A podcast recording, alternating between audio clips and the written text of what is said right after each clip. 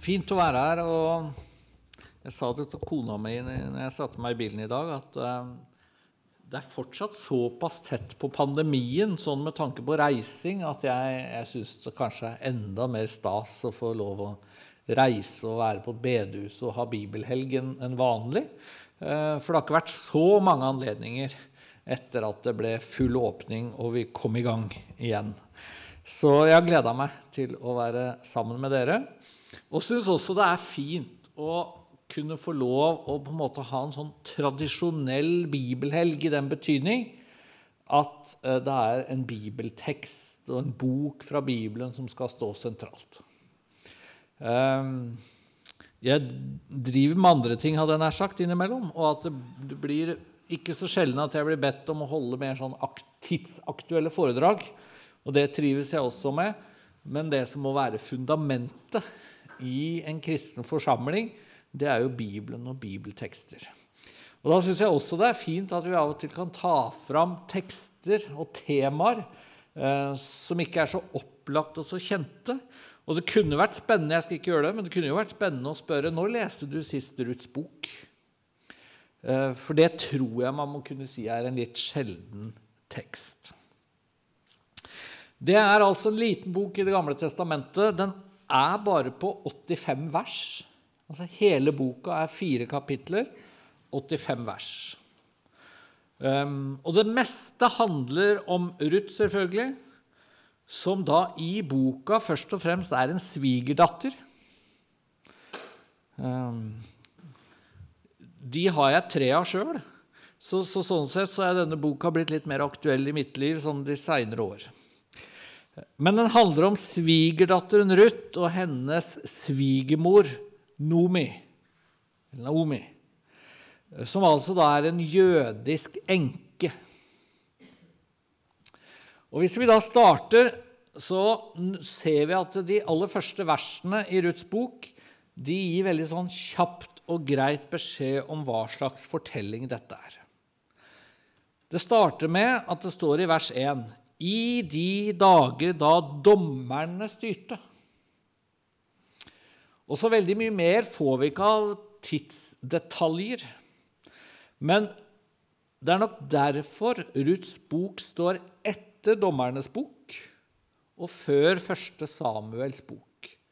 Fordi den er så tydelig plassert inn i dommertiden, i de dager da dommerne styrte. Og så står det videre at det var hungersnød i landet.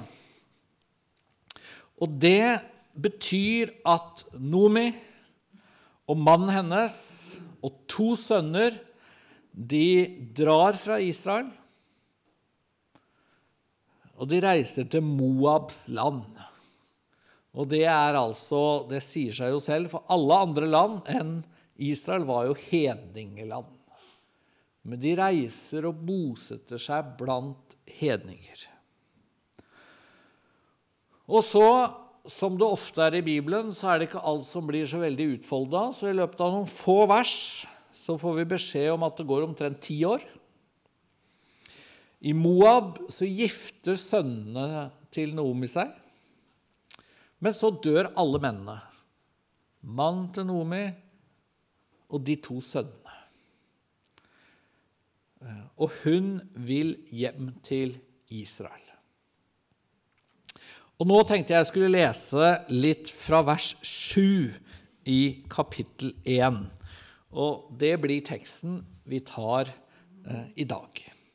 Kapittel 1, og så skal jeg lese fra vers 7 til vers 19. Men jeg hopper over noen vers midt inni, vers 12-15, for de trenger vi ikke å lese for å få liksom hovedfortellingen. Så vi leser denne teksten som en sammenhengende tekst. Og jeg syns at noe av det som også er interessant med Ruths bok, det er jo at dette er stor litteratur. Dette er verdens eh, kjent en verdenskjent fortelling. Eh, det blir særlig klart også fra kapittel 2 utover at dette er en, ganske sterk kjærlighetsfortelling. Eh, men det vi skal lese nå, det handler om den jødiske enken Nomi, som vil tilbake til Israel, til sitt land, og svigerdøtrene, og da særlig svigerdatteren Ruth. Fra vers 7 leser vi altså. Hun dro bort fra stedet hvor hun hadde bodd, og begge svigerdøtrene fulgte etter henne. De ga seg vei for å vende tilbake til Juda. Men Nomi sa til sine to svigerdøtre.: Snu og gå tilbake, hver til sin mors hus.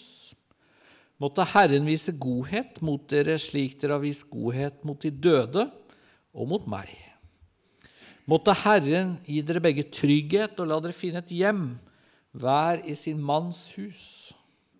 Så kysset hun dem.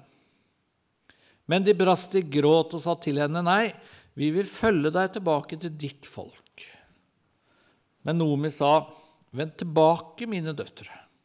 Hvorfor skulle dere følge med meg? Skulle jeg ennå føde sønner som dere kan få til menn? Og så hopper vi til vers 16. Ruth svarte, Ikke tving meg til å forlate deg og vende tilbake. For dit du går, vil jeg gå, og hvor du bor, vil jeg bo. Ditt folk er mitt folk, og din Gud er min Gud. Der du dør, vil jeg dø, og der vil jeg begraves. Måtte Herren la det gå meg ille, både nå og siden, hvis noe annet enn døden skal skille meg fra deg. Da Nomi så at hun sto fast på sitt og ville følge med henne, sa hun ikke mer til henne. Så gikk de begge videre, til de kom til Betlehem.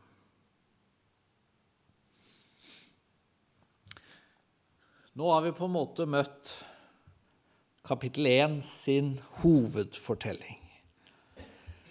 Og så kan man jo spørre hva, hva slags fortelling er egentlig det vi har lest nå? Er det først og fremst en fortelling om etikk? En fortelling om å gjøre det rette. Noen tenker kanskje når man leser disse versene, at det Ruths bok, eller kapittel 1 i Ruths bok sier oss, det er at Ruth hun gjør det rette. Hun er lojal. Hun forlater ikke sin svigermor. Jeg skal komme tilbake til akkurat det spørsmålet, for jeg tror egentlig ikke det er hovedsaken i fortellingen om Ruth.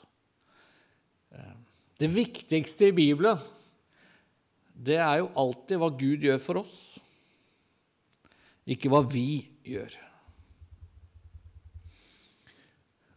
Og Samtidig så tenker jeg at dette er jo en fortelling som gjør Ruth til et forbilde.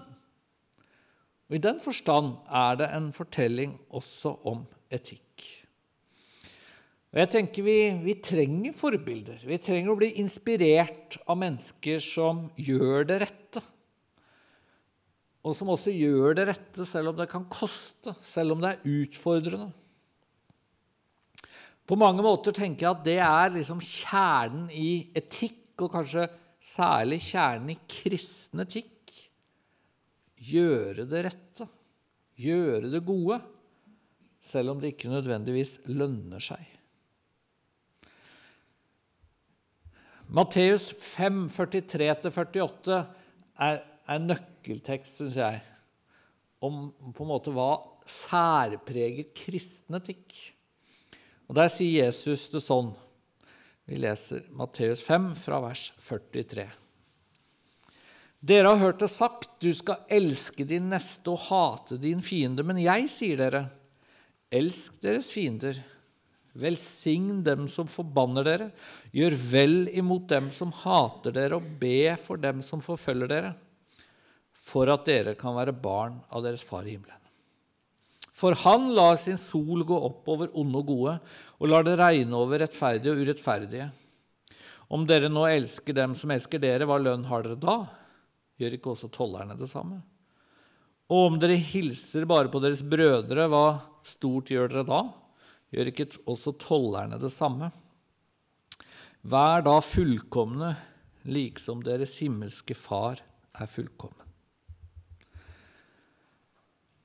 Her sier Jesus at det å elske de som elsker tilbake, det er enkelt. Og det er nok enkelt rett og slett fordi det lønner seg. Og på mange måter er det jo veldig fint at verden er skrudd sammen sånn at det lønner seg stort sett å være et vennlig og hyggelig og hjelpsomt menneske. Gud har skapt verden sånn. At det lønner seg å Som Jesus sier her Det lønner seg å eh, hilse på deres brødre og elske dem som elsker dere. Men kristen etikk har dette radikale ved seg som Jesus løfter fram, og som vi indirekte også møter i Ruths bok. At vi skal gjøre det rette og gjøre det gode, gjøre vår plikt til og med. Eh, også når det ikke lønner seg sånn personlig. Også når det kan svi og koste. Det er viktig av to grunner. Det er viktig fordi vi, et samfunn blir bedre. Et samfunn og et fellesskap, et fellesskap også på et bedehus, blir bedre når folk gjør det rette, selv om det ikke lønner seg for dem personlig. Vi trenger et samfunn der en forelskelse ikke fører til utroskap, vi trenger et samfunn der det å lure på noen på skatten eller sluntre unna jobben eller at det ikke er greit bare ingen oppdager det.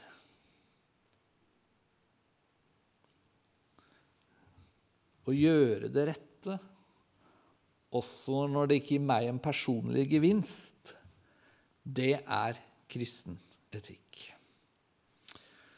Og så er det jo ikke minst viktig for å for at vi skal vite hvilken målestokk Gud opererer med. Det er jo bare når vi er kjent med Guds målestokk, eh, at vi får behov for tilgivelse, nåde og frelse. Eh, I kristen tenkning så er det viktigste behovet vi har, vi mennesker, det er tilgivelse. Men så lever vi nok i en tid som sier at det vi trenger mer, det er egentlig forståelse. Forståelse er, er ganske mye av det verden rundt oss tilbyr. Det går alltid an å gjøre seg selv til et offer. Og så går man til psykologen sin eller terapeuten sin for å få trøst, istedenfor å gå til naboen og beklage. For det er jo enklere, mer behagelig å få trøst og forståelse enn å bekjenne og ta et oppgjør. Og derfor er på en måte etikken viktig. Fordi den forteller oss at Gud egentlig ikke er så interessert i våre unnskyldninger eller våre forklaringer. I møte med en hellig Gud det rekker det ikke. Han vil ha vår synserkjennelse og vår synsbekjennelse. Og Ruths bok, ved å løfte fram Ruth og hennes usvikelige lojalitet, så gir den oss et lite signal om at, at det er sånn vi mennesker bør opptre.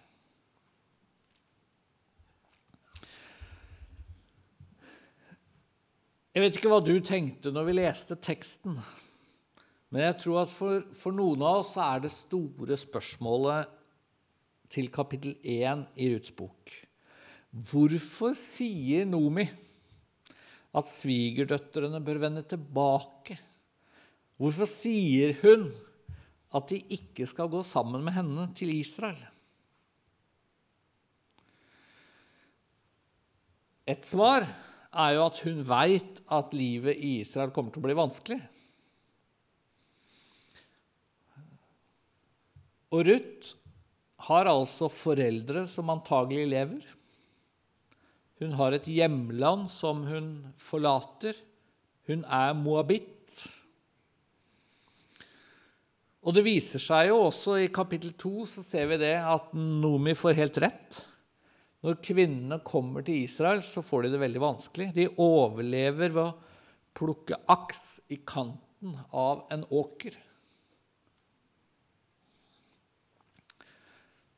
Men så tror jeg mange av oss tenker ja, men det er jo ikke sånn for et gudfryktig menneske at det eneste spørsmålet er hvor kan jeg ha et enklest mulig liv?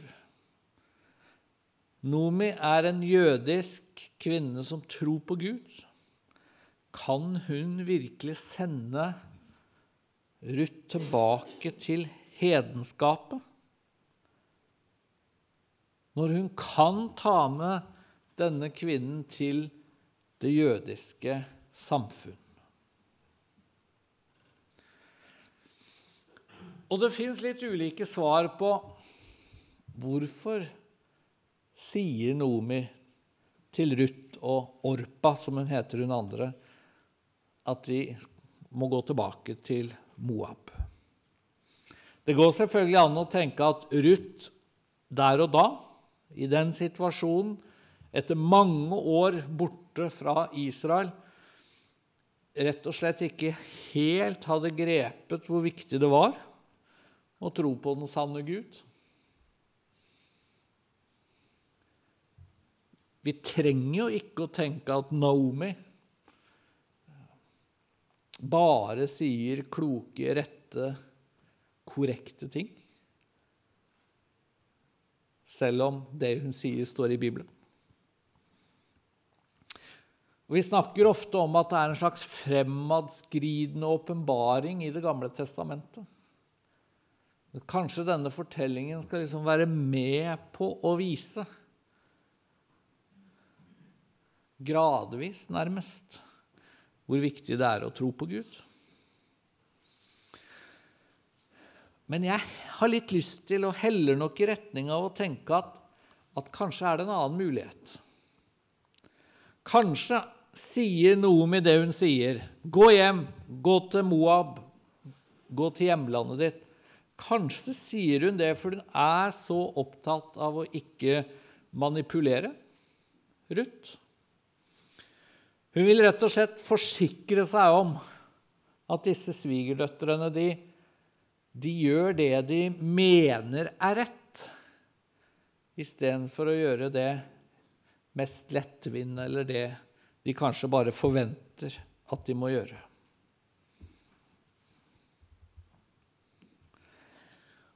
Og i så fall, hvis det er på en måte et poeng i teksten, så tror jeg det er et ganske viktig poeng.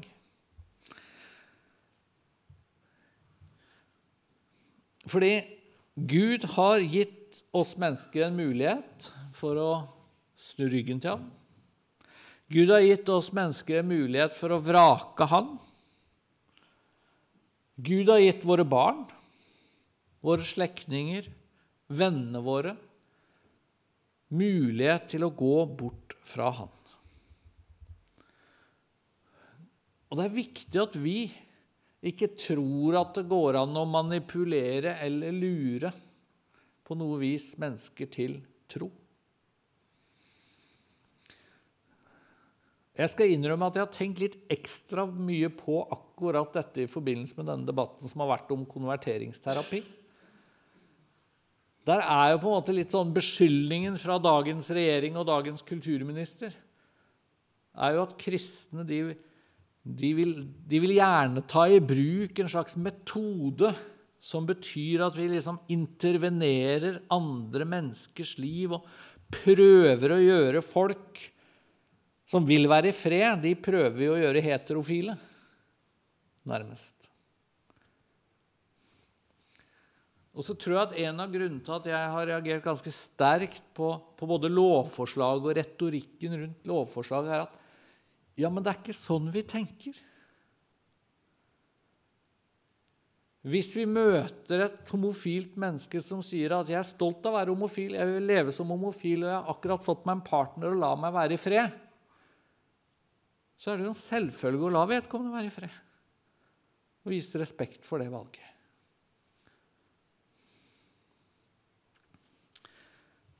Og det er faktisk en selvfølge ut ifra Bibelen. Kanskje ut ifra denne teksten. Kanskje er det det Nomi vil signalisere til Ruth, at skal du gå med meg, så må det valget komme innenfra. Det må være ditt valg.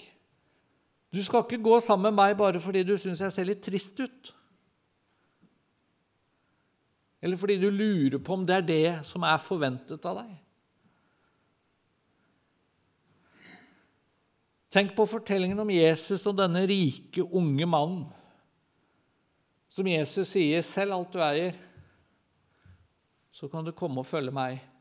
Og så står det at han gikk gråtende bort. Og så står det ingenting om at Jesus sier 'Nei, jeg mente det ikke så alvorlig'. Står ingenting om at Jesus løp etter han og prøvde å overtale han til ikke å gå.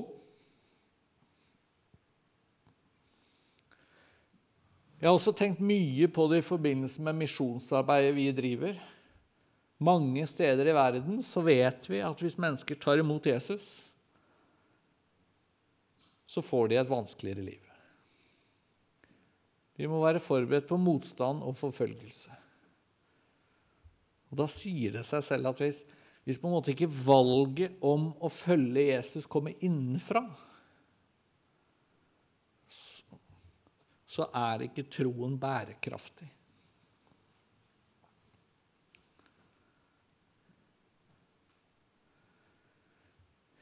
Ingen forfulgte kristne vil klare å holde fast på troen uten at det er en indre overbevisning om at Jesus betyr alt, ja, mer enn alt.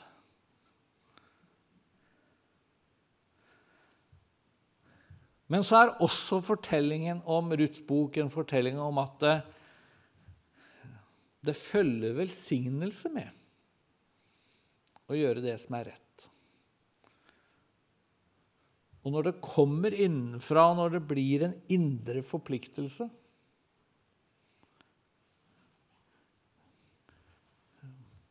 Så gir det også en gevinst.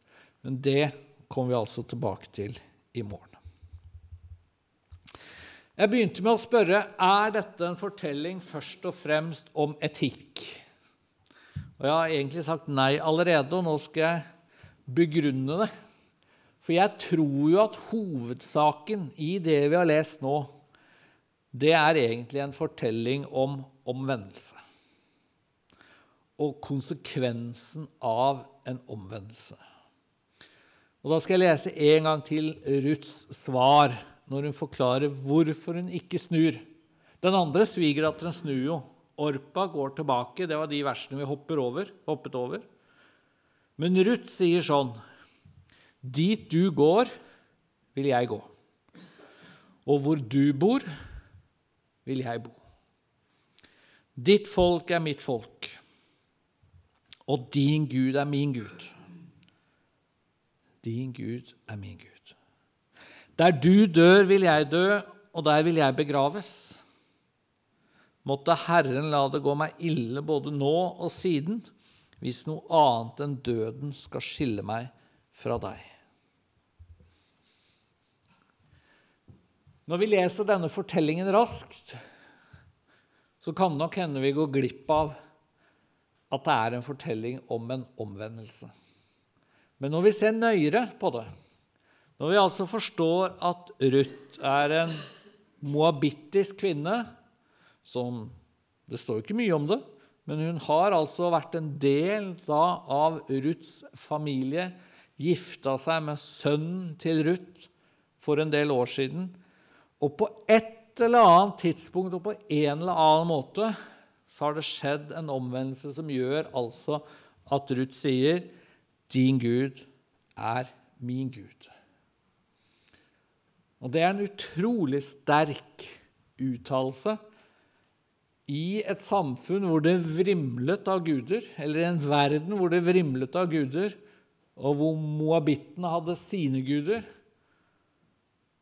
men så trodde jødene og Ruth på én Gud. Og Ruth er på vei tilbake til det landet og til det folket hvor man dyrker den ene sanne Gud. Og så vil altså Ruth si at den guden er også min Gud. Og så tenker jeg at noe av det hun videre sier, også sier noe ganske viktig om hva gudstro er. Hun sier 'ditt folk er mitt folk'.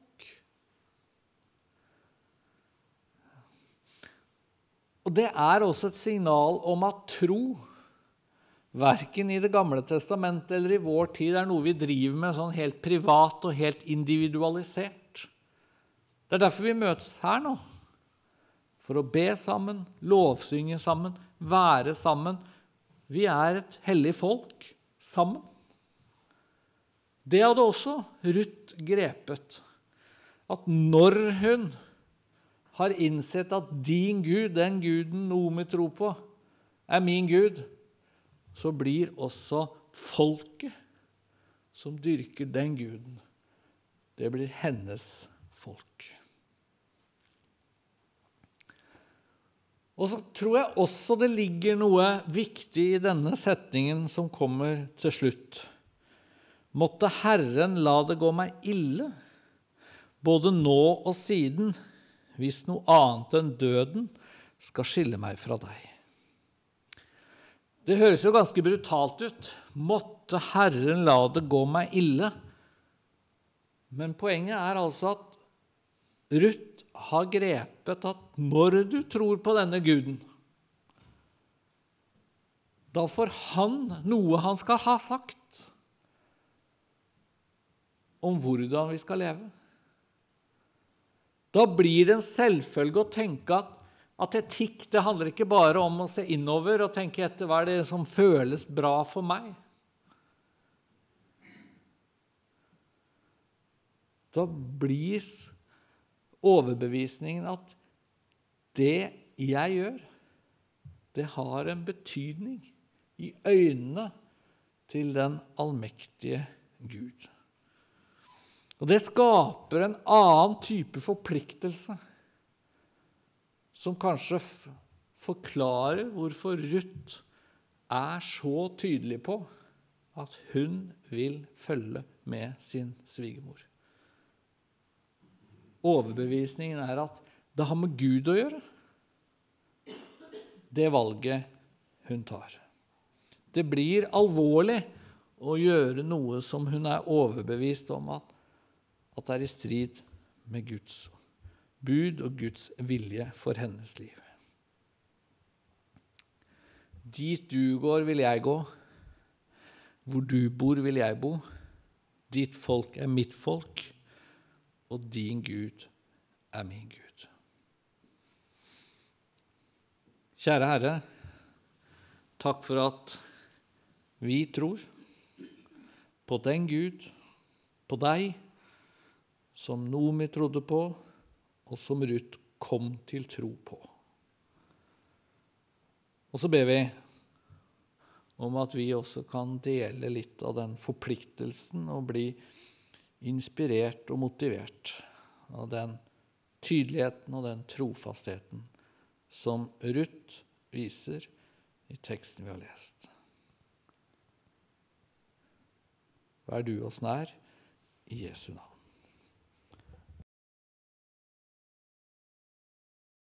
Takk for at du ville lytte til denne podkasten fra Verningen bedehus. For mer informasjon om vår forsamling, besøk vbh.no.